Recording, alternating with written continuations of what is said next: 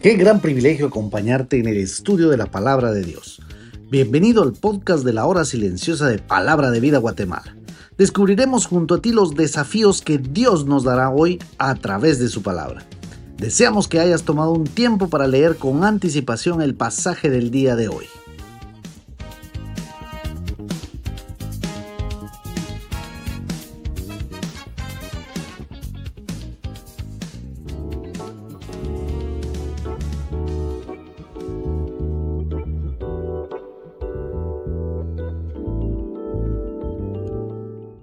Qué bueno estar en el comentario de la hora silenciosa. Te saluda Oscar Fuentes del Ministerio de Palabra de Vida aquí en Guatemala y estamos en nuestra temporada de campamentos disfrutando ya en la cuarta semana de lo que es esta hermosa temporada.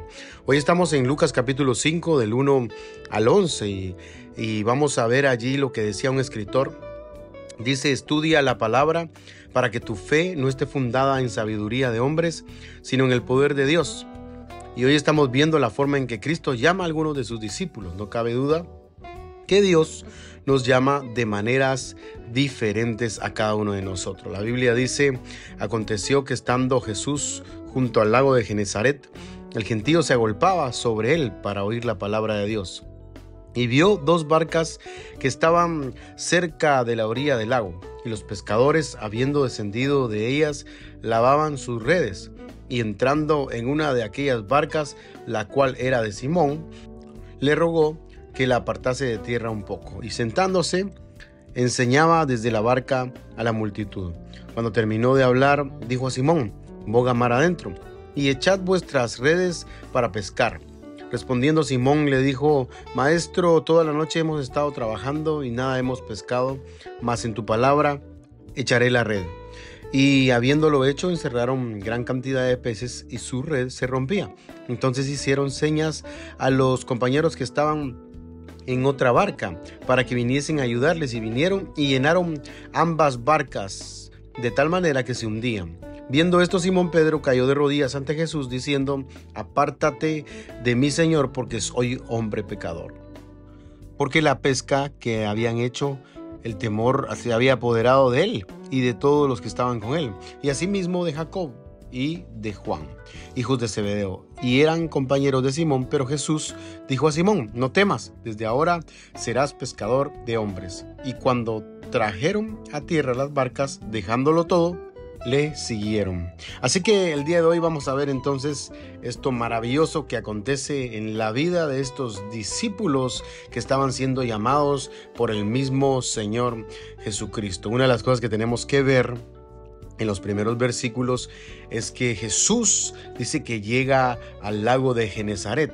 En un momento le pide prestada la barca a Pedro y de alguna manera es la señal de que Pedro tenía en cuanto al Señor Jesús diciéndole que no iba a seguir siendo pescador de pescado, sino de hombres. Allí parándose en vez de un anfiteatro o en algún auditorio, se para en la barca proclamando lo que venía de parte del Señor en ese momento. Así que, en primer lugar, vemos entonces el milagro de los peces. Boga mar adentro, cuando las palabras de Dios son expresadas de esa manera, algo iba a suceder, pero vemos que nosotros en nuestras propias vidas creemos ser más sabios que el mismo Señor Jesús. Quizás aquí los discípulos pudieron haber dicho acerca del conocimiento que ellos tenían de los peces y de la pesca, como preguntándole al maestro y diciendo que él no sabía nada porque ellos eran los pescadores y nada más.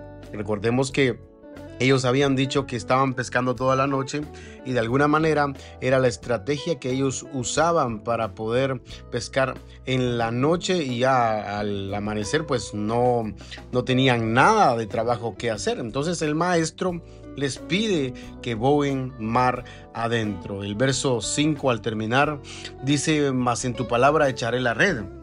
Esa es la gran diferencia cuando nosotros hacemos algo y cuando el maestro decide hacer algo maravilloso o hace la obra más maravillosa que es el milagro de reproducir lo que no reproduce en nuestra vida. Porque Él sí puede, para Él no hay nada imposible. De hecho, la palabra de Dios habla de muchos pasajes que mencionan que si habría algo imposible para Dios, no, de ninguna manera, no hay nada imposible para Dios.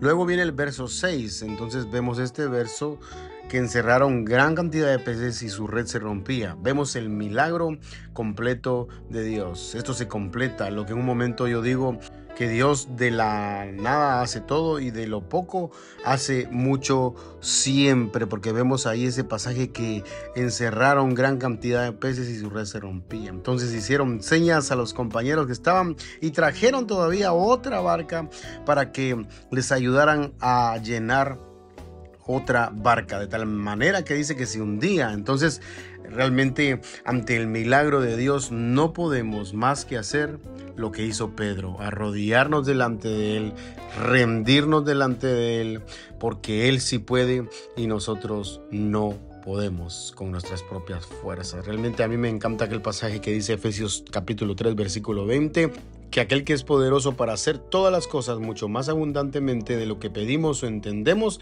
según el poder que actúa en nosotros. Entonces vemos el milagro de los peces y él cayó de rodillas diciendo, apártate de mí Señor, porque soy hombre pecador, reconociendo a Cristo como Señor verdaderamente de todo. Esa tiene que ser nuestra actitud en nuestra vida cristiana, reconociendo que Él sí puede y nosotros no. El versículo 9, 10 y 11 va a mencionar que dice que la pesca que habían hecho, el temor se había apoderado de ellos o de él en este caso y de todos los que se espantaban con él y asimismo de Jacobo y de Juan.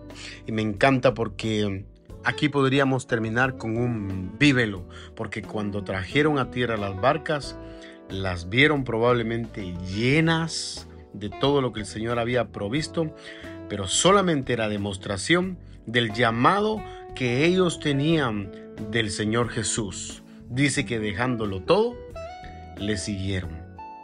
¿Cuánto estás dispuesto a dejar en tu vida?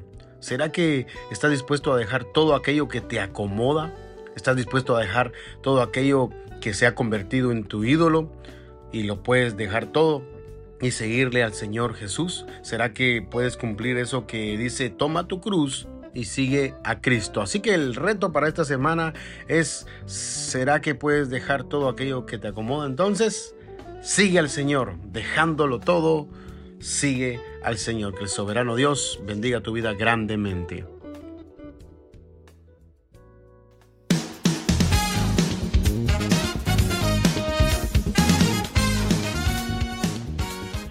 Es emocionante saber los tesoros que Dios tiene en su palabra para nosotros. Ayuda a tus amigos a que descubran la voluntad de Dios para su vida. Comparte este podcast con ellos. No olvides seguirnos en nuestras redes sociales.